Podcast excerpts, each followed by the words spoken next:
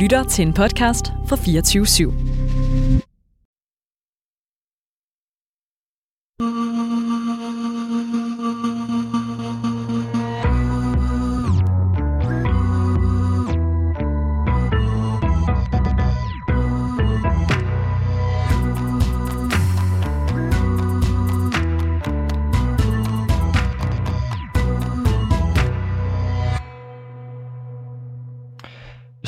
Velkommen til Det Muslimer taler om, et program af praktiserende muslimer.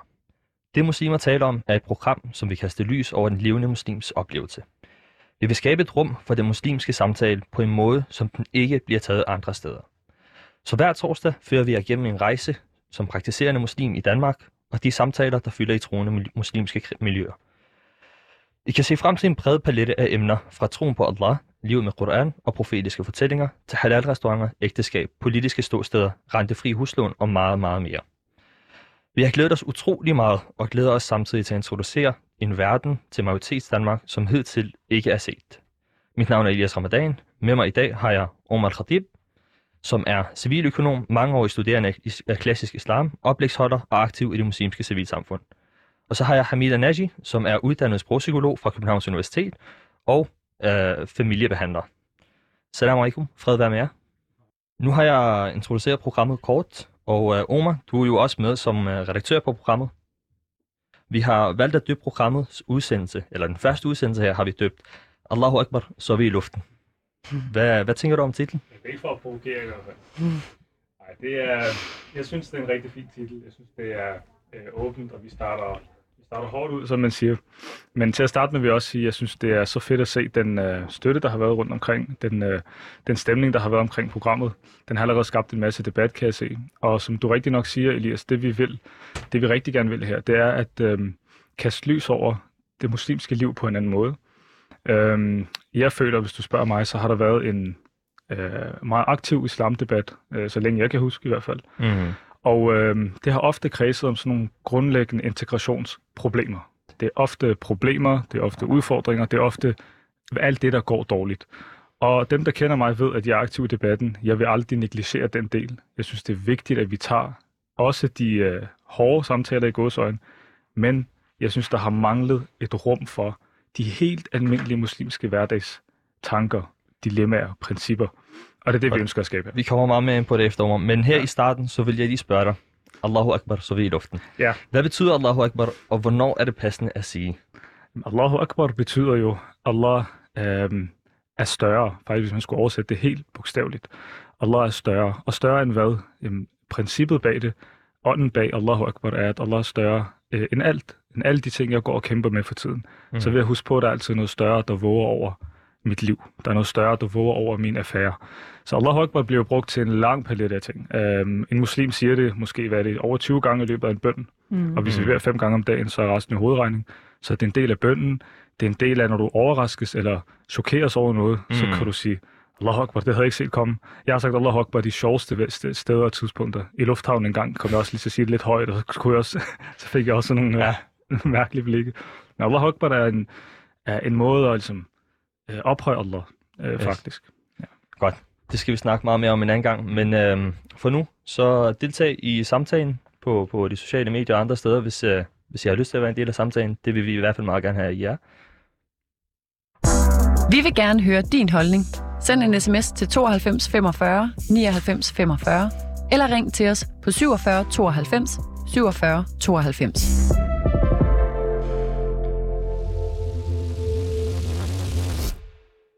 Intentionen er et centralt koncept i praktiserende muslimers hverdag og liv. Hvorfor er det det? Og hvad er intentionen bag vores program her? Det taler vi om i dag på den første udsendelse af Det Muslimer taler om. Men før det, så har jeg en lille icebreaker. Um, jeg vil gerne starte med dig, Hamida. Mm-hmm. Jeg har en lille icebreaker for, for, vores, uh, for vores panel her i dag. Ja. Hamida, um, du er ude på en øde ø mm-hmm. um, sammen med din mand. Og uh, I har tre andre pladser på øen. Og jeg kommer til at foreslå to navne for dig, og du skal vælge en af de to. Og du får lov til at knytte din kommentar, men heller ikke meget mere end det. Mm. Og, og du skal vælge en af de to. Okay. De første to navne er Khadija radiallahu anha, eller Aisha radiallahu anha. Må Allah være tilfreds med um... Ja, jeg tror, jeg vil vælge Khadija. Ja. Ja, Det er jo profetens første kone, det er som det er nemlig. var- en, en, uh, en halskvinde, Mhm. en businesswoman. Mm-hmm. Ja.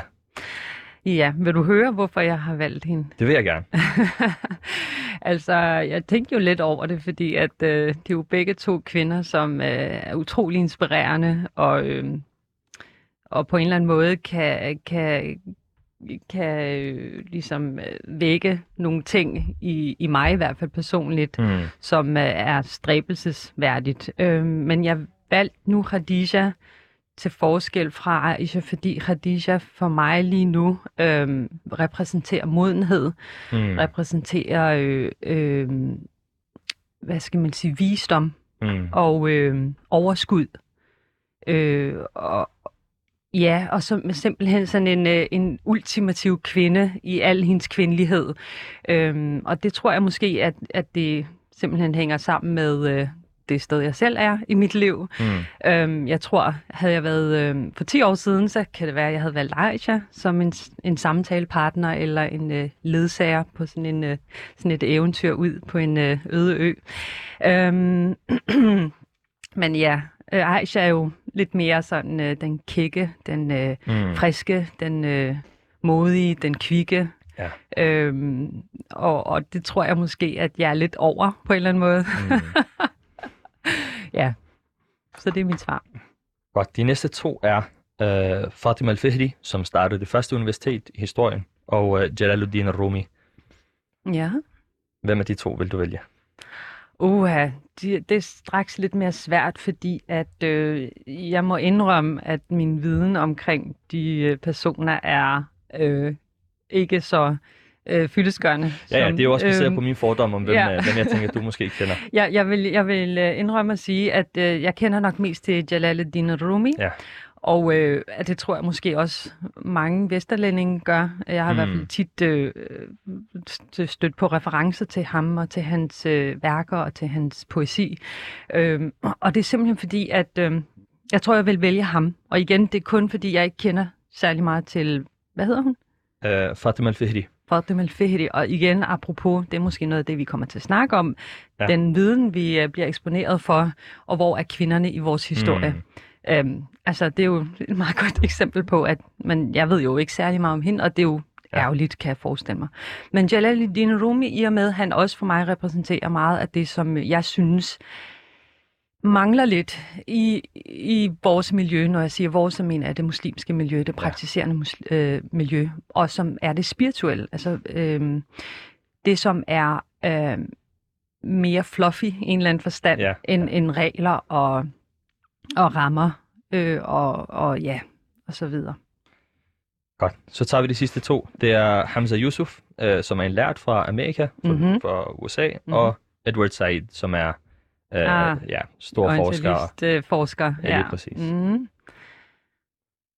Hmm. Så tror jeg næsten, at jeg vil, øh, at jeg vil vælge Edward Said, for at være helt ærlig. Mhm. Med al respekt til Hamza Yusuf, han er utrolig inspirerende, men øh, det er simpelthen fordi, at øh, for, altså, fordi jeg kender nok, at jeg, jeg føler i hvert fald, jeg, jeg kender ret meget til Hamza Yusuf, Mm. og Edward Said kender jeg ikke personligt, og alligevel har han skrevet den her bog, som har påvirket en helt forskningsfelt, Ja. ja. litteraturvidenskab, enormt meget i en positiv retning, vil jeg mene, øhm, fordi han har åbnet op for, for nogle måder at, at anskue magt på, som, Mm. som virkelig har været tiltrængt. Så, så han kunne være spændende at lære at kende, simpelthen. Ja. Uh, det var lidt tændst, fordi uh, man, Ja. man, man skal vælge mellem to, uh, to meget kompetente personligheder. Lige præcis. Uh, men det er også meningen, at publikum skal lære vores panel bedre at kende. Mhm. Um, så vi prøver lige at udfordre vores panel her til at starte med. Uh, så går jeg videre til dig, Omar. Omar, du er også ude på en øde hvor uh, du skal vælge mellem to, tre personer, og jeg fremlægger, hvem, uh, hvem de pe- personer er, og du skal vælge en af de to, som jeg fremlægger, og argumentere for, hvorfor du vælger den person. De første to er to, som jeg ved uh, kommer der meget nært. Det er profeten Isa, Jesus, og profeten Musa, Moses. Åh, Hvem har du valgt af de to? skal jeg vælge en af dem? Du skal vælge en. alene fordi, at øhm, profeten Moses og, og, og Musas historie, den er mig meget, meget nær. Øhm, Mm. den, den vækker noget i mig, når jeg læser Koranen, og man kan sige, at Musas historie i Koranen er jo den mest gentagende, den der forekommer oftest. Så øh, hvis jeg skulle vælge, så ville det være øh, Musa, a.s. Men jeg vil rigtig, rigtig gerne møde begge to. Mhm. okay, um, den næste, de næste to navne er Imam al-Ghazali og Imam Ibn Taymiyyah. Du må også gerne give en kort uh, introduktion til, hvem de er, hvis... Uh... Det er jo de, nogle af de to af de største lærte det i øh, de, de seneste ja, tusind år af islamisk historie. Begge to har på en måde været med til at forme øh, øh, retspraksis, retsskolerne, islamisk tænkning, særligt for Al-Ghazali. Øh, og hvis jeg skulle vælge, så, øh, så ville jeg vælge Al-Ghazali. Øh, og det vil jeg gøre alene, fordi jeg føler, at Ibn Taymiyyahs værker har været meget, meget udbredt, øh, og i- især i moderne tid. Øh, Mm. det, det er let at støde på. Det er let at kende Ibn Taymiyyah i dag. Men jeg føler, at det faktisk har været lidt sværere at komme til Al-Ghazalis værker. Jeg føler ikke, at jeg er blevet eksponeret for det så meget i vores miljøer, i moskéerne, i undervisningen. Og øh, det har undret mig til tider, fordi Al-Ghazali er jo en kæmpe tænker, og, og, og meget pivotal altså i, i Ja. forhold til islamisk historie. Så det ville være Al-Ghazali, bare lige for at lære ham bedre at kende. Godt. De sidste to tror jeg personligt bliver de sværeste at vælge imellem.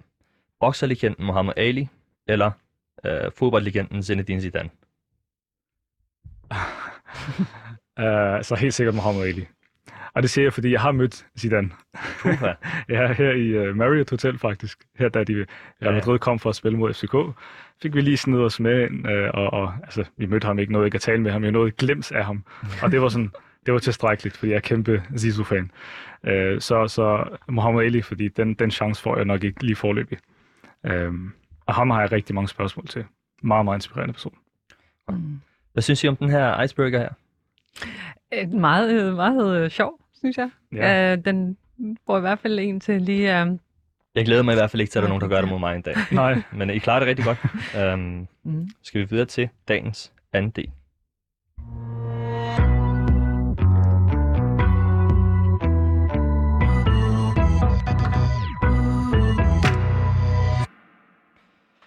Så skal vi tale om dagens store historie, og i dagens anledning har vi valgt at tale om vores program, Det Muslimer taler om.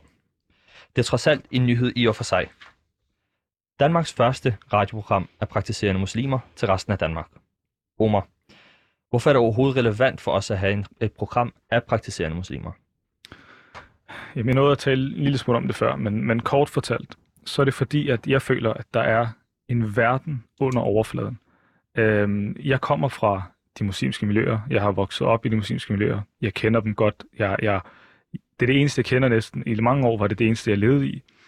Og jeg føler, i rigtig mange år, så følte jeg, at den her del af, af mit liv, den, øh, øh, den, er, den, er, den er ikke jeg skal træde ud af den, når jeg skal ud på arbejde. Jeg skal træde ud af den, når jeg skal i skole. Jeg skal træde ud af den, når jeg skal finde mit slips frem og karrierevejen. Mm. Og så et eller andet tidspunkt kl.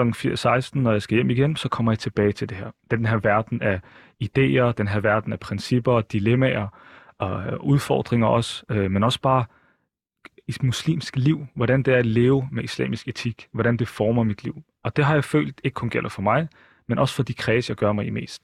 Så det her program, det rigtige håb med det, det er, at den her verden får lov til at komme op over overfladen.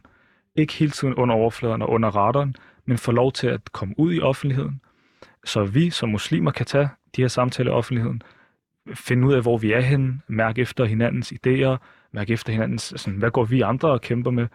Øhm, og så også for majoritets Danmark at få et nyt indblik i, i, hvad det vil sige at være en muslim i Danmark, praktiserende muslim. Leve efter teksterne. Fordi jeg tror, der er rigtig mange øh, øh, fordomme omkring, hvordan det er at leve som sådan en religiøs person. Mm. Er det ikke sådan en bagudgående, forstokket person? Som... Og jeg tror, mange vil overraskes over, hvor dynamisk det egentlig er øh, som livsstil. Og jeg mener også, at de principper, religion giver mig i hvert fald, så jeg kan tale for min egen vej, har været med til at forbedre mit liv markant, sammenlignet med den tid i mit liv, hvor jeg ikke rigtig havde de principper at leve efter. Så jeg tror, at det bliver nyt. Jeg tror, det bliver friskt og dynamisk. Jeg håber, at det bliver en ny samtale. Mm. Jeg håber, at det vil skabe nogle gode øh, hvad hedder, sådan, ring i vandet. Så hvad er det for et behov, som der skal opfyldes her? et behov for at tale om islam i Danmark på en anden måde. Øh, og igen, det er ikke for at negligere de quote-unquote udfordringer, der er i integrationsdebatten. Det, at vi har et kulturmøde i dag, og det, at vi har nogle spændinger. Jeg har ikke lyst til at, at lukke øjnene for dem. Og igen, dem, der kender mig, ved, at langt det meste af mit debatvirke har handlet om at gå head-to-head med de her emner, mm. og det har jeg intet imod, men de, det kan ikke stå alene. Det vil være en berøvelse for den, islam, for, for den, den, den offentlige debat kun at tale om de emner her. Fordi ja. de udgør et minimalt, en, en minimalt øh, del af muslimsk liv i Danmark. De her udfordringer, det er ikke det, som den almindelige muslim går og tænker over og, og kæmper med hver dag. Vi kæmper med andre ting. Vi tænker på andre ting. Jeg går og tænker over, at jeg vil gerne bo i et hus. Jeg vil ikke bo til leje hele mit liv. Og jeg kan ikke tage et, rente, jeg kan ikke tage et rentelån. Igen, fordi jeg lever efter islamiske principper. Hvad gør jeg? Øh, og sådan nogle emner, dem er der tusinder af, og det er dem, vi har lyst til at tage op her. Forstår jeg det rigtigt, at der er nogle problematikker, eller der er nogle udfordringer, øh, lad os kalde det, der, der er også nogle ting at fejre, som, øh, som muslim til hverdag oplever, men som ikke er en del af samtalen offentligt. Øh, og så er der en masse samtaler offentligt, som, som ikke altid er en del af det, muslimen oplever. Helt sikkert, det vil jeg mene. Hvad tænker du om det, Hamid? Øh, jeg tror, du, du rammer noget meget konkret og centralt øh, i forhold til øh, hvad skal man sige, eksistensberettigelsen for det her program, fordi mm. at, øh, der er ingen tvivl om, at, øh, at, at der er behov for at høre stemmer fra det muslimske praktiserende miljø. Øhm, og det er simpelthen fordi, at, at øh, og det er både for os på vores egen skyld internt øh, i vores eget lille miljø, men også for det eksterne samfund.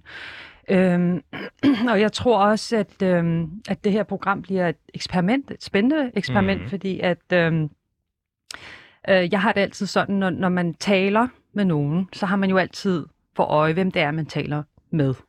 Og, og det former jo, hvad man vælger at sige, og hvordan man vælger at sige det.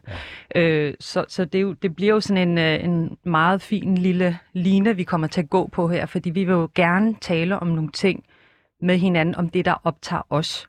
Og samtidig har vi jo for øje, at dem, som er derude og som lytter til os, mange af dem slet ikke er en del af det her miljø. Så, så, så hele tiden skal vi prøve at finde en balance i, hvordan er det egentlig, at vi kan tale, sådan så vi kan gøre os forståelige. Mm-hmm. Øhm, og øhm, jeg er helt enig med Omar i, at altså, der er jo, det er jo ekstremt mangelfuldt. Øh, og, og nu, nu har vi ikke talt så meget om det, eller nu nævnte det ikke til introduktion, men min mand og jeg har jo startet en podcast, der hedder, mm. så gør jeg lige reklame, du hvad hedder det, På kanten af enighed, og, øh, og det var jo egentlig tanken, at vi ligesom bragte nogle af de her samtaleemner, mm. som vi ligesom synes var vigtige, som det, der fyldte hos os, øh, ud til offentligheden. Um, hvor vi også prøvede sådan at balancere med, hvad, hvad er det egentlig, hvem taler vi til, og hvad er ja. meningen med det her? Fordi altså, for mig at se, jeg er jo en del af det danske samfund, men for at være helt ærlig, det der fylder allermest hos mig, det er igen, ligesom det gør det hos de fleste mennesker, det er ens nærmeste. Ens familie i første omgang, og så er det ens vennekreds og udvidet familie, og så er det ens miljø. Og for mig er det det praktiserende muslimske miljø. For mig er det utrolig vigtigt, at vi udvikler samtalen internt også. Ja. Jeg har ikke noget imod, at andre kigger os over skulderen eller lytter med, men jeg synes, at vi skal virkelig prøve ikke at, øh, at have at lade det styre for meget vores debat og vores tanker, mm. at nu er der nogle andre, der lytter med, og vi skal prøve at fremstå så ordentligt som muligt, og helst ikke øh, berøre nogle ting, som i forvejen er betændte. Ja. Hvis det giver mening. Jeg ved ikke, om jeg er alt for abstrakt. Altså, det er mit problem, nej, nej, jeg nogle vi, gange vi, kan vi blive sætter lidt også for... lidt flere ord på det, altså, så vi skal nok få lidt mere konkrete ja. eksempler. Ellers ja. så skal jeg nok presse det ud af jer. Yes, um, det er en aftale. Men um, programmet hedder jo Det muslimer taler om. Vi er mm-hmm. jo mhm. tre, jeg skal det, praktiserende muslimer herinde. Men uh, dem er der mange flere af ude i samfundet. Um, hvad tænker I, at folk ønsker, altså den praktiserende muslim i Danmark? Um, vi har nu hvad er det, 200-300.000 danske muslimer, afhængig af hvilket tal man tager udgangspunkt i. Uh, hvad, hvad tror I, de er interesseret i at høre os tale om? Mm. Jeg tror, Hamida kommer ind på noget af det helt rigtige. Altså, ikke bare for muslimer, men for alle mennesker. Så det, der fylder mest, vil naturligt være det, der er, er os tættest. Vores familier, vores øh, uddannelser, vores karriereveje, vores øh, visioner med livet, vores, øh, de principper, vi lever efter, vores sociale kredse, hvordan vi fremstår, hvordan vi så, så en muslim er jo ikke anderledes fra det. Øh, så for en muslim, og hvad en muslim vil være interesseret i at lytte til, tror jeg og håber jeg med det her program, andre, som kan relatere til den oplevelse, Mm. øh, som kommer ind i studiet og fortæller.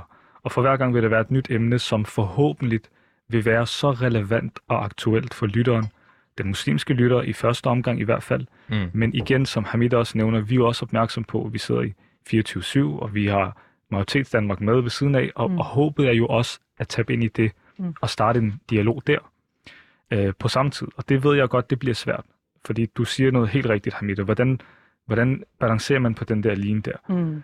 Øh, hvordan skal jeg tale om muslimske emner med muslimer, og så samtidig vide, at der er også et helt samfund, der lytter med. Mm. Og det er det, der er eksperimentet i det. Ja. Øh, men vi vil jo gøre det efter bedste evne. Så jeg skrev ud i går øh, og spurgte, hvilke emner folk ønsker, vi snakker om. Mm-hmm. Og jeg Mhm. fik øh, måske en 100 svar øh, af emner, og, og ret mange af dem var ret forskellige. Så det var, det var ikke engang så mange emner, som, som gik igen. Øh, der var en, der skrev, hvorfor mælk er blevet så dyrt. Øh, og så fik det mig til at tænke, jamen, vi, vi bliver jo også berørt af de ting, som resten af samfundet bliver berørt af. Det er ikke noget, der er forbeholdt praktiserende muslimer. Så er der også ting, vi kan snakke om, som ikke kun handler om vores religion, eller handler eller som, som kun er forbeholdt den, den praktiserende muslim.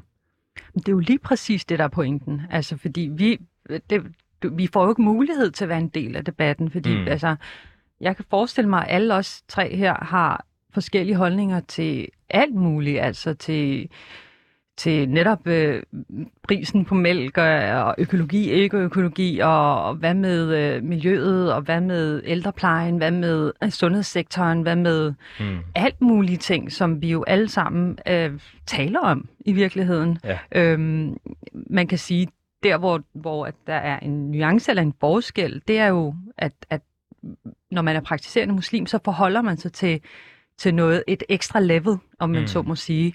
Øh, et ekstra level, der så består af den tro, man nu engang har. Øhm, og, og nu er det jo også det, der definerer det her show. Det er jo praktiserende muslimer. Ja. Øhm, så det synes jeg er rigtig fint, at man også får med, okay, hvad, hvad er det så forskellen? Og, og det kan være, at man opdager, at, at den, forskellen ikke er så stor igen. Ikke? Mm. Omar, jeg har hørt dig sige før i debatten, at øh, islam har noget at byde på. Ikke kun muslimer, men decideret islam. Så når vi snakker de her samtaler her, som, som er relevant for hele Danmark, som ikke kun er en oplevelse, som den praktiserende muslim oplever, hvad er det, islam har at byde på? Det er et, øh, et stort spørgsmål. Og, og det er rigtigt, at det har jeg øh, sagt i flere anledninger. Og så har jeg lige efter, jeg har sagt det, tænkt, okay, nu skal jeg være klar til at formulere, hvad det er, jeg mener, islam har at byde på. Ja. Øhm, så det er fedt, du tager det op. Tak, Elias. Nej, altså, ja, det er helt sikkert. Altså, jeg, jeg, jeg lever jo, og når jeg siger de her ting, og jeg, og jeg siger, det, at islam har meget at byde på, så er det fordi, jeg føler, at islam har haft en kæmpe forandring og påvirkning på mit liv, og har taget det i en bedre retning. Mm. Så når jeg har set det, så er jeg i min egen verden en real life case på, at islam øh, har en, en indflydelse, som jeg mener er helt, helt unik. Islamisk etik for mig er et af de mest øh, undervurderede og underomtalte emner. Altså jeg har ikke stødt på begrebet islamisk etik i offentligheden. Islamisk filosofi for den sags skyld. Mm. Islamisk metafysik.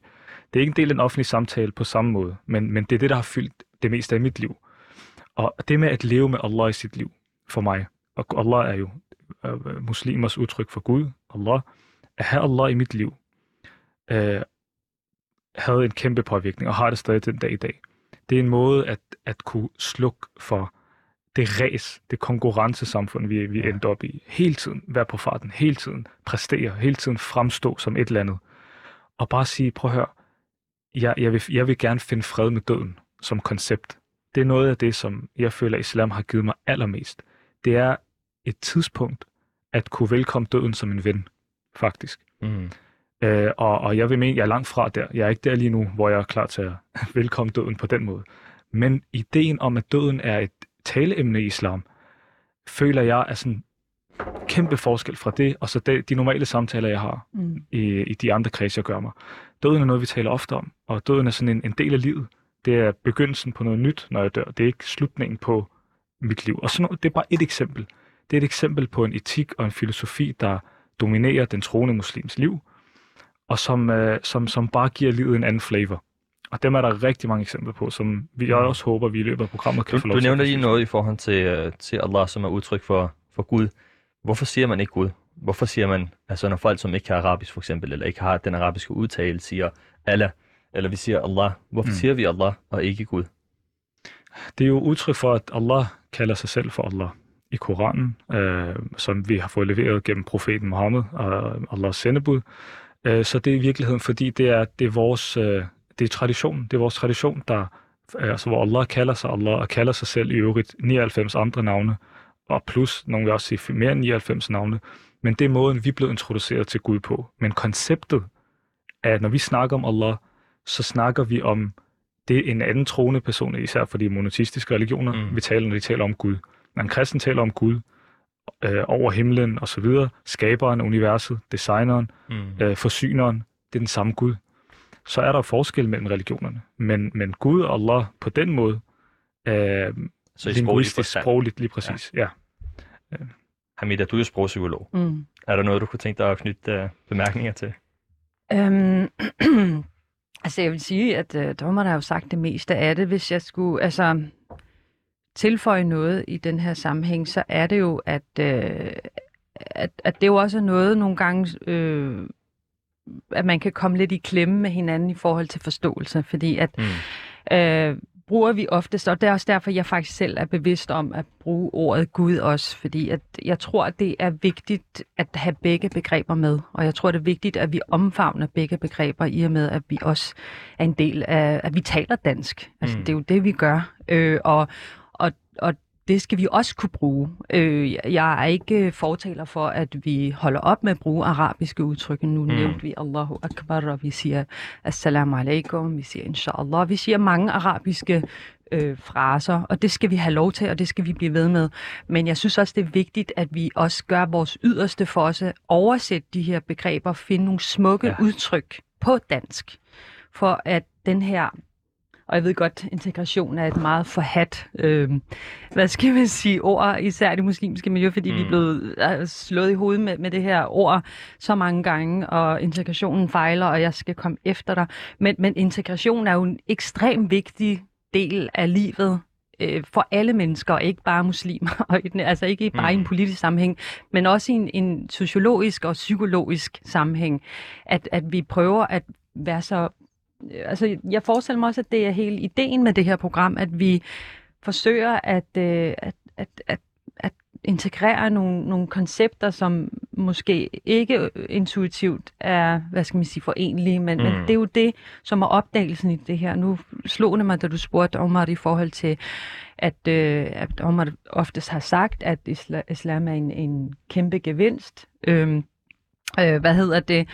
Øh, og, og, og igen, altså, det håber jeg da, at vi kommer til at opdage her i, i showet blandt andet. Hvad er det egentlig for en værdi, som islam giver? Ja. Hvad, hvad er det, som er så vigtigt og betydningsfuldt?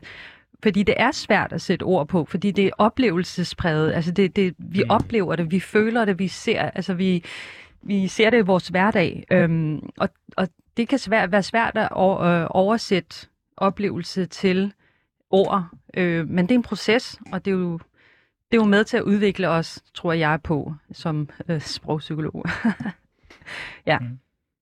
Men det er netop svært. Altså, det er derfor, jeg, da jeg sagde det der før, ikke? Altså, en ting er at sige det, mm. og du kan sige det med selvsikkerhed, fordi du har oplevet det. Ja.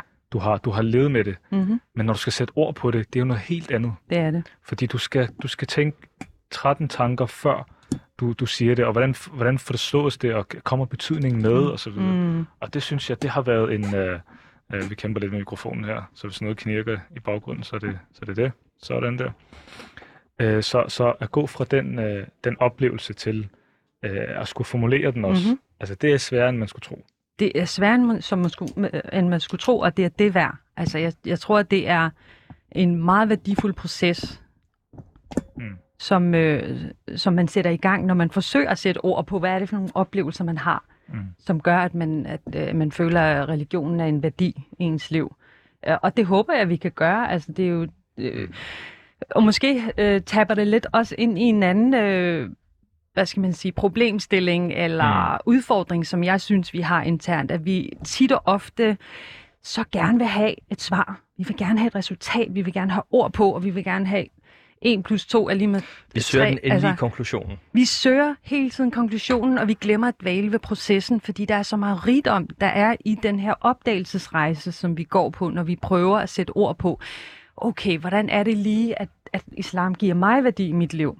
Hvordan ser det ud i hverdagen? Hvordan ser det ud, når jeg har travlt og skal komme hjem og øh, du ved, aftensmaden ikke er lavet, og indkøber der rod, og jeg ved ikke hvad. Hvordan ser det ud, når jeg er sammen med mine forældre, og der er noget, der trigger mig? Øh, hvordan ser det ud, når jeg er ude på arbejdsmarkedet og ikke kan løse et problem?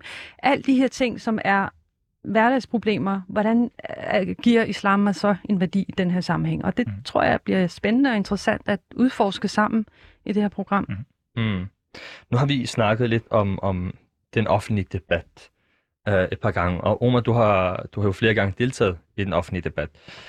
Um, vil du sige, at vi er på, på anklagerbænken, når vi er i den offentlige debat, eller er vi anklageren? Eller kan man overhovedet bruge det metafor? Jo, det vil, altså, man kan delvis bruge den metafor, det synes jeg. Særligt, øhm, når det kommer til anklagebænken.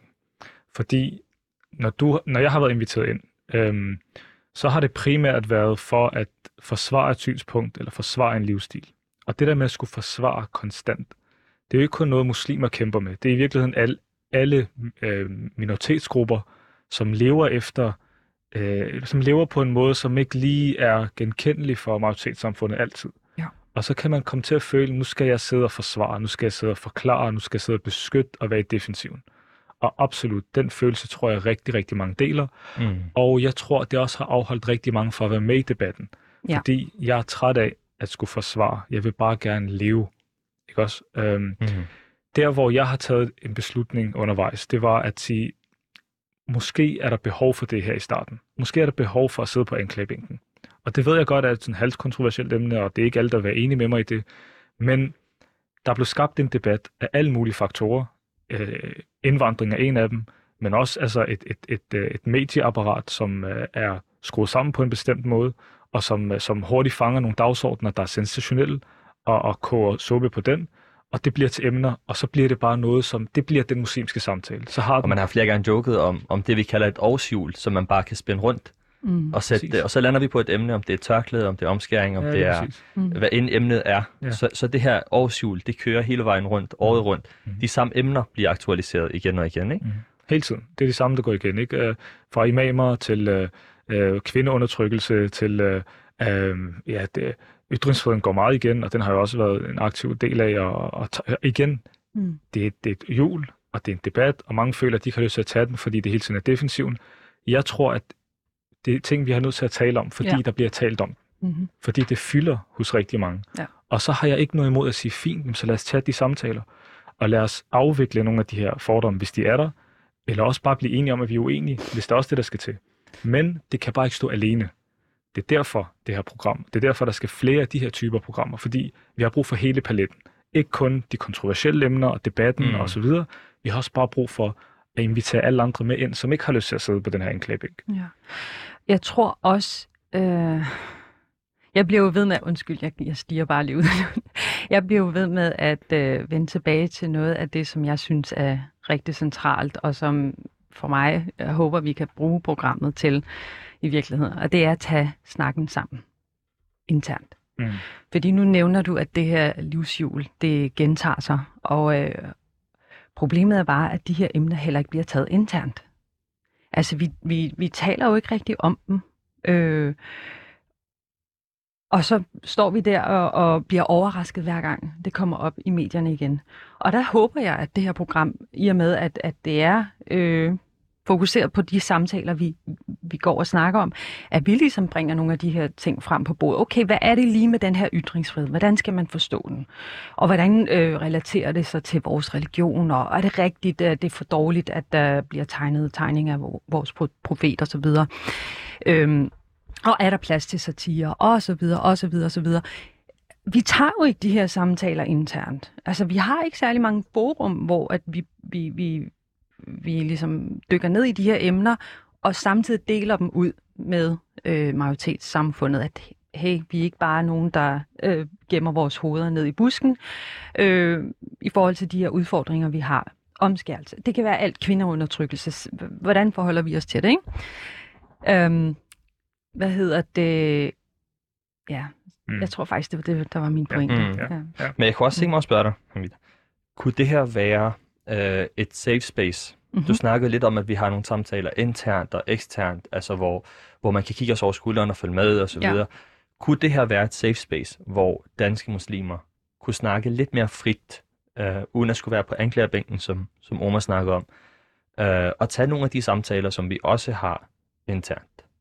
Jo, Absolut, og det, nu må vi se, hvor det udvikler sig, men, men det, er jo, øh, det er jo det, der ligesom, tror jeg, er visionen med, med programmet, er, at, at, at det netop kan være en platform, mm. hvor at man simpelthen tager det derhen, hvor at man, det, man synes, det giver mening.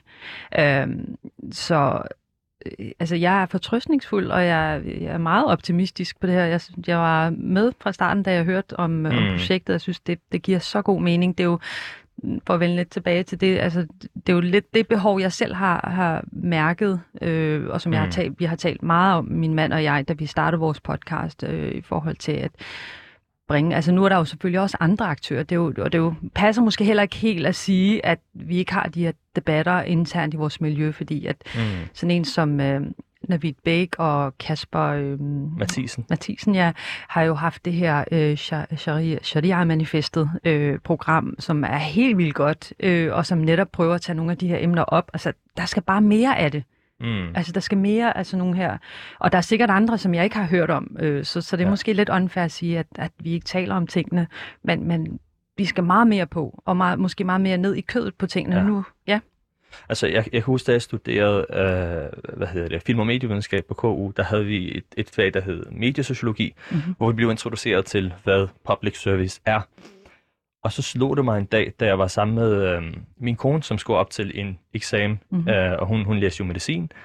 Øh, og så var der en hel masse øh, øh, brune mennesker, en hel masse muslimer, som stod foran lokalet og ventede på at blive lukket ind på Peter Bangsvej for at tage deres eksamen. Så kom der et par blonde mennesker, så gik det op for mig, gud ja, der er også øh, blonde folk, der læser medicin, for der var så mange øh, muslimer, for at sige det som det er. Øh, og så slog det mig, da jeg sad til det kursus, at vi betaler jo for, vi betaler jo en hel masse skattekroner, øh, læger, der betaler topskat osv., og, og mange andre ting, ikke kun læger, øh, selvstændige osv.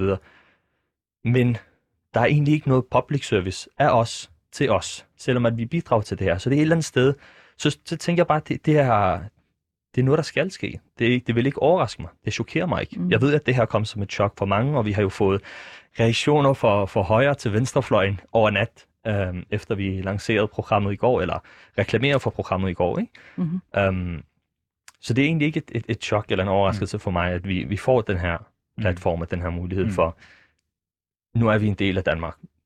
Og lad mig lige spørge dig. Mm. Øhm, når man går op i den offentlige debat, er der nogle frygter, er der en eller anden angst for, at man, man kan, det kan have nogle konsekvenser for ens privatliv? Kæmpe, øh, absolut. Og det tror jeg, øh, det tror jeg i virkeligheden er et universelt problem. Øh, og det, med det mener jeg, at mange, der går ind i en offentlig debat, skal gøre en masse overvejelser omkring, hvordan påvirker det mit privatliv, det her. Så det mm. tror jeg ikke er unikt for den muslimske oplevelse. Men, og det er et stort men, fordi den debat, der er om islam, og islamdebatten er så skarp og så betændt, som den er, så skal, tror jeg, at en muslim skal lave, hvis, hvis, øh, hvis den ikke-muslim skal lave en overvejelse, så skal muslimen lave tre, før man tager det skridt. Mm. Fordi du skal være klar til at gå ind i alle de hårde debatter med det samme. Øh, og hvis du ikke gør, så får du også, øh, så kommer de også efter dig, fordi mm. hvorfor i tale sætter du ikke de vigtige ting? Mm. Så det er bare det er en intens debat. Hvad kan, hvad, kan, hvad kan konsekvenserne være altså i ens privatliv? Nå, men jeg, har, jeg kender jo flere, som har måttet lide på, øh, i forhold til deres arbejdspladser, selvom de ikke har været sådan nogle folk, der går ud og har sagt alle mulige skøre ting, altså bare helt almindelige øh, deltagelser i debatten, som har gjort, at jamen, der er en arbejdsgiver her, der måske ikke lige føler, at det er, det, det, det er okay for den branding, vi har i virksomheden. Der kommer der er nogen, der begynder at ringe ind til os. Jeg kender rigtig mange, hvor de er begyndt at få opkald på deres arbejdspladser, hvor deres chefer bliver ringet op og sagt, ved I godt, at I har en, en, en uh, ja, jeg skulle til at sige, en terrorist. En, islamist, en fundamentalist. Ja, alle al, al de her ister her. Ikke? Uh, I har sådan en ansat hos jer. Uh, Tariq Hus, uh, Ziad Hussein for et eksempel. Uh, han, han delte jo for ikke så længe siden på sin Facebook, hvordan, og det var så uh, en, en højprofileret politiker på det tidspunkt. Det var Nasser Carter, det blev en stor sag også i, i, i nyhederne. Mm. Øh, og, og, og det her, det, det sker rigtig mange steder. Mhm. Øhm, hvor man bliver diskvalificeret fra debatten, bare ved at deltage i den, og bliver skudt holdninger i skoene. Ja. Så der, det kan have mange konsekvenser. Øhm, også for dit privatliv, din familie, øhm, hvor meget du vil eksponere din familie på sociale medier. Så mange af de her ting, dem tror jeg, mange kan relatere til, men den muslimske oplevelse har bare lidt ekstra kant, fordi kulturmødet er så skarpt kridtet op, som det er i dag. Mhm. Så man kan egentlig være, være bange for, at det kan have konsekvenser for ens liv. Ja, hvis man, absolut. altså man kan være tilbageholden for at deltage i debatten. Helt sikkert. Ja. Så vil jeg gerne spørge dig, som jeg spurgte uh, Hamida, kunne det her så være en form for, for safe space, hvor, man, hvor den angst måske ikke er lige så provokerende? Helt sikkert, når det kommer til at skulle være på anklagebænken.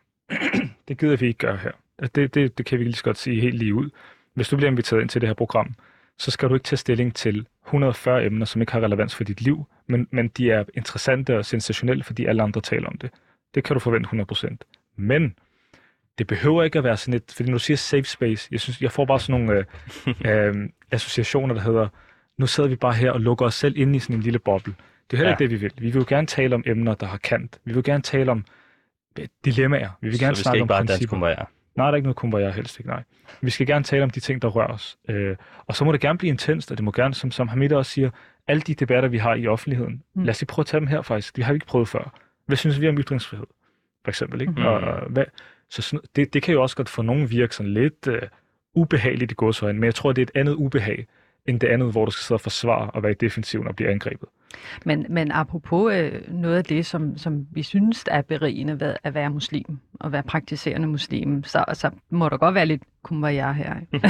Absolut. apropos det med at, at simpelthen at, øh, at tale det frem, det, den skønhed, vi ser i livet som prak- praktiserende muslim. Mm. Altså, det, det er jo en skønhed. Og, og så kan det godt blive lidt for fluffy, at vi er sådan, ej, vi synes, det er helt så skønt og så videre, men selvfølgelig, men jeg synes, der, altså, der skal være plads til det hele. Mm. Det håber jeg i Absolut. hvert fald. Absolut. Tror jeg, det er et godt sted at slutte den her samtale?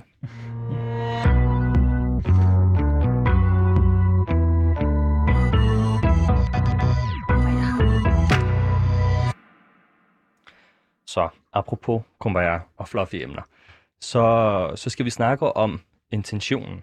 Vi starter med vores intention. Vi har et koncept i øh, islam kendt som nia, som kan oversættes til intention, og vi har en beretning for profeten fred være med ham, der siger, øh, sandelig er handlinger baseret på intentioner. Omar, kunne du meget kort sige, hvad skal vi forstå af den her beretning? at det er jo en, øh, en meget, meget central beretning i islamisk øh, retslære, i islamisk øh, øh liv. Øh, der er nogle af de større lærte, øh, som, som fortæller om den her hadith, og om den her øh, udtalelse fra profeten, at den udgør en tredjedel af islam. Mm. Øh, og nogen siger halvdelen. Den ene halvdel er intentionen, den anden halvdel er handlinger. Og nogen siger en tredjedel, fordi den ene, halvdel, den ene tredjedel er intention, den anden tredjedel er tungen og det vi siger, og den sidste tredjedel er handlinger. Så bare for at sige, som minimum, så udgør den en tredjedel af islam. Så den er meget, meget, meget central og essentiel for, hvad det vil sige at være muslim. Og, og betydningen af den, øhm, der er jo en masse, altså det, der er ikke mange, der ved det heller, men hadith-litteraturen øh, er jo kæmpestor, øhm, og, og, og volumes af bøger er blevet skrevet om den. Og hadith er jo beretninger øh, Ja, af beretninger. profeten. Præcis, ja. Haditherne bliver det ofte øh, kaldt, men, men hadith lige præcis. Øh, det er kæmpe, kæmpe litteraturområde, det er en videnskab for sig selv, så der er også en masse fortolkninger af, hvor- og, og ligesom måder at udrede det her koncept omkring nia. Mm. Så, men det er mere den akademiske ting. Det er mere den akademiske del. Det er også det, jeg kan forstå, du spørger lidt ind til. Det er, hvordan, Jo, jo. hvad plads har det i vores teologi og i vores... Øh, Mm. øh, Men du nævner også noget som, et tillader mig lige at gå på et lille sidespor. Du nævner noget om at udtale tingene, ikke? Du sagde hadith, og had, hvordan sagde du det Haditherne. på? Haditherne. ikke? Mm. Um, nu skal vi lære her fra Danmark at udtale tingene. Fordi vi har bogstavet ha, og vi har bogstavet kha, og vi har mange andre bogstaver på arabisk, som ikke lyder helt som det lyder på dansk eller fransk, eller hvilket sprog man nu uh, ellers kan. Um, fordi vi har alle sammen sjove oplevelser med uh, nogen, der ikke kan udtale vores navn. Mhm. Uh, jeg ved, i Somalia, der har man uh, de latinske bogstaver, uh, hvor man før i tiden havde de arabiske bogstaver. Men uh, på grund af kolonisering, så fik man latinske bogstaver. Ikke? Og bogstavet Ain, Ain uh, som de fleste nok ikke kan udtale, Mm. det skriver somalierne med et C. Jeg kan huske, da jeg havde en elev engang, da jeg var folkeskolevikar, så skulle jeg læse navnene op for at se, hvem der er til stede. Og så nåede jeg til hendes navn, og så var der en elev, der sprang op af sit sæde, og så sagde jeg, Aisha, og så var hun så lettet, fordi det var første gang nogensinde nogen kunne finde ud af at udtale hendes navn, som det stod, altså hendes forældre har jo stadig det med C, fordi de har jo latinske bogstaver, mm. så de prøver ikke bare at, at skrive det med latinske bogstaver, de har den allerede, ikke? Så hun var, hun var så lykkelig, og jeg vil gerne have, at vi uh, i hvert fald den kommende generation har samme oplevelse af, at deres lærer også kan finde ud af at udtale deres navn, og andre mm. også kan. Så nu prøver vi en gang, og vi prøver at udtale tingene, som de bliver udtalt, uh, så godt som vi nu kan. Ja. Um, Hamida, må jeg spørge dig, sådan mm. rent praktisk i vores mm. hverdag, fordi intention er jo ikke noget, vi kan se. Det, ja. det er en handling, der foregår, lad os sige, i hjertet. Um, hvilke betydning har det rent praktisk, hvilken mm. intention man har? Altså i, i, i et sekulært samfund, eller som praktiserende muslim, hvilke betydning har det? Øh, altså ja, jeg har, jeg har sådan tænkt lidt over det, fordi jeg synes, det er et, et, et fænomen eller sådan et begreb, som er meget kompliceret og som kan forstås på forskellige vinkler, men mm. sådan rent praktisk og sådan mellemmenneskeligt, om man så må sige, så er det jo et, et, et vigtigt værktøj at have for øje, når vi har med andre mennesker at gøre. Fordi jeg synes, det, den har lige, du nævner lige før, den, øh, den er jo også øh, den peger også på noget spirituelt, noget indre udvikling, at man ligesom hele tiden holder sig for øje, hvorfor man nu handler, som man nu engang gør, at, at, øh, at, at man ligesom sikrer sig, at, at øh, nu gør jeg noget godt, simpelthen fordi, at øh, det er godt, og ikke fordi jeg vil fremstå som en god person, eller mm. vil vinde nogle points hos en eller anden person, øh, eller instans. Så, så, så på den måde kan den ses som sådan en rettet indad øh, handling, men, men jeg synes også, den er social i den forstand, at vi også hele tiden skal huske på, at folk har forskellige intentioner mm. med deres handlinger. Og der er et, en indre verden inden under det. Altså det fører mig lidt tilbage til noget af det, som er mit hjerteemne inden for mit fag, og det er mentaliseringsbegrebet, som mm. er utrolig vigtigt i, i sociale sammenhæng, at man hele tiden har for øje, at alle mennesker har en indre verden, og at alle ja. mennesker har øh, deres adfærd er ligesom drevet af øh, ønsker, behov, øh, intentioner. Og, og, og det er jo sådan, vi forstår hinanden. Øh, og det er jo simpelthen, fordi vi selv har de her mm. øh, indre processer, der ligesom sker i en. Og det kan man jo ligesom også bruge til at være mindre dømmende over for hinanden og mere forstående. Så, så den har nogle forskellige øh, ja, virkemiddel, altså hvad hedder, hvad hedder sådan noget, øh, sfære, den opererer på. Mm. Øh, ordet intention eller ordet nia. Mm. Ja, ja, jeg ved ikke, altså vi kan jo sagtens stykke meget mere ind i det, men øh, mm.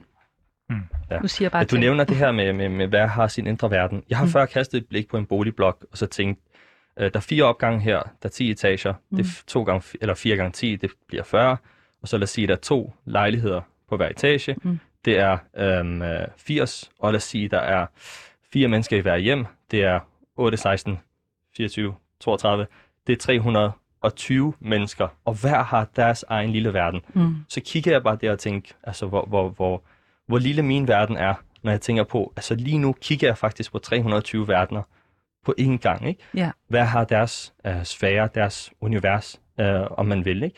Præcis. Den indre intention, uh, som man, man gør sig for sig selv, mm. Hvad kan det være for? Altså, hvad er intentionen for? Er det, er det, er det, er det, er det en intention for Gud, eller er det en intention for... Hvad, hvad, hvordan skal det forstås i sådan en sammenhæng? Mm. Altså i en religiøs sammenhæng? Du, du har... Måden at forstå det på er... Der er rigtig mange vers i Koranen, hvor øh, Gud, Allah, han beskriver øh, sin, øh, øh, sin, sin evner. Det Allah, han kan. Mm. Og en af de ting, Allah, han kan, det er at vide, hvad du tænker, og hvad du føler inde i dit bryst, inde i dit hjerte. Uden du behøver at sige det, uden du behøver at gøre det kommer rigtig meget ofte steder. Han ved det, som du gør ud til, og jeg ma fi sudur, og han ved det, som der er i, i hjerterne. Så intentionen... Det, det, det er et koranisk vers. Det er et koranisk vers, ja.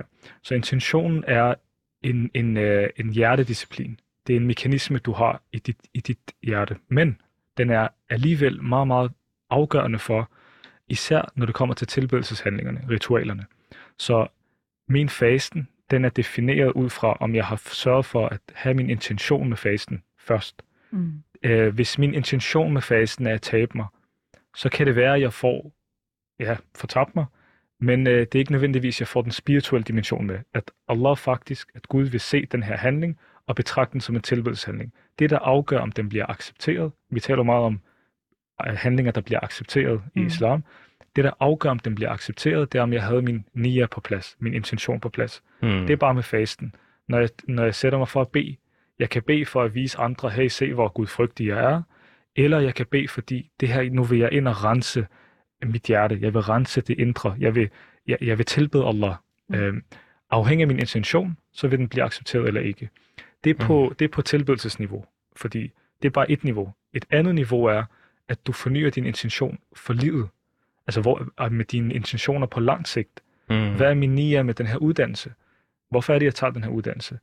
Det er meget unikke ved, jeg mener i islam, det er, at du kan lave nogle helt almindelige hverdagshandlinger. Tag ja. en uddannelse, gå på arbejde, tank benzin, køb ind, og alligevel få øh, belønninger. Altså, det bliver accepteret som tilbedelseshandlinger. Og det var for mig, det ved jeg ikke, der, når jeg siger det til andre, så siger de, ja, jamen, det er jo, this is known, det ved vi godt. Men for mig, første gang jeg hørte det, det var et chok. Altså, fordi i mit hoved, der var tilbedelsen, det var, når vi sad og, hvis du sætter dig for at bede, hvis du sætter dig til at faste, ja. det er de meget praktiske handlinger. Men der, så fik jeg at vide, at Nia, du kan, du kan forny din intention for hele dit liv. Mm-hmm. Så alt, hvad du laver i løbet af sådan en dag, det kan blive betragtet som en tilbedelseshandling, hvis du bare gør det med, med det rette formål. Mm. Jeg køber ind for at have et godt familieliv, mm. for at, at sætte brød, øh, øh, brød på bordet til mine børn. Øh, jeg køber blomster til min kone for at gøre hende glad. Mm. Det kan også være en tilbedelseshandling, fordi Gud elsker, at partner gør hinanden glad, og så videre, ja. og så videre. Det hele kan blive en, ja. en, en tilbedelse. Jeg, det synes, synes, jeg, jeg synes virkelig, det er nogle rigtig fine pointer, du kommer med. Jeg synes, øh, altså, det er lige præcis sådan noget her, som er øh, det, det, det, der skal mere frem. Fordi det er nogle aspekter af islam, som man lever som praktiserende muslim, men som man desværre bare ikke rigtig får mulighed for at tale om øh, udadtil. Sådan, altså, de går tabt. Øh, og jeg tror netop også, det handler netop, som du siger, om den her udvidelse af vores bevidsthed om, og integration igen. Nu bruger jeg det der ord igen. Øh, men lige præcis, er det værtsligt med det spirituelle? Fordi det er jo værtsligt at, øh, at gå ud og spise øh, en, en hyggelig aften øh, med sin familie for eksempel. Men det kan også bare være dybt spirituelt og meningsfuldt, hvis du ligesom har den rette intention. Mm. Så, så det er jo sådan en, en måde ligesom at øh, marry, eller hvad sådan, øh, gifte, eller koble øh, den øh, hverdagslivet sammen med det meningsfulde, mm. øh, og det guddommelige, og det altså udvide bevidstheden omkring mm. ens handlinger. Så, så det er virkelig smuk pointe. Hamida, Omar, tak for en spændende snak, og tak for at lytte med på den første del af det, muslimer taler om.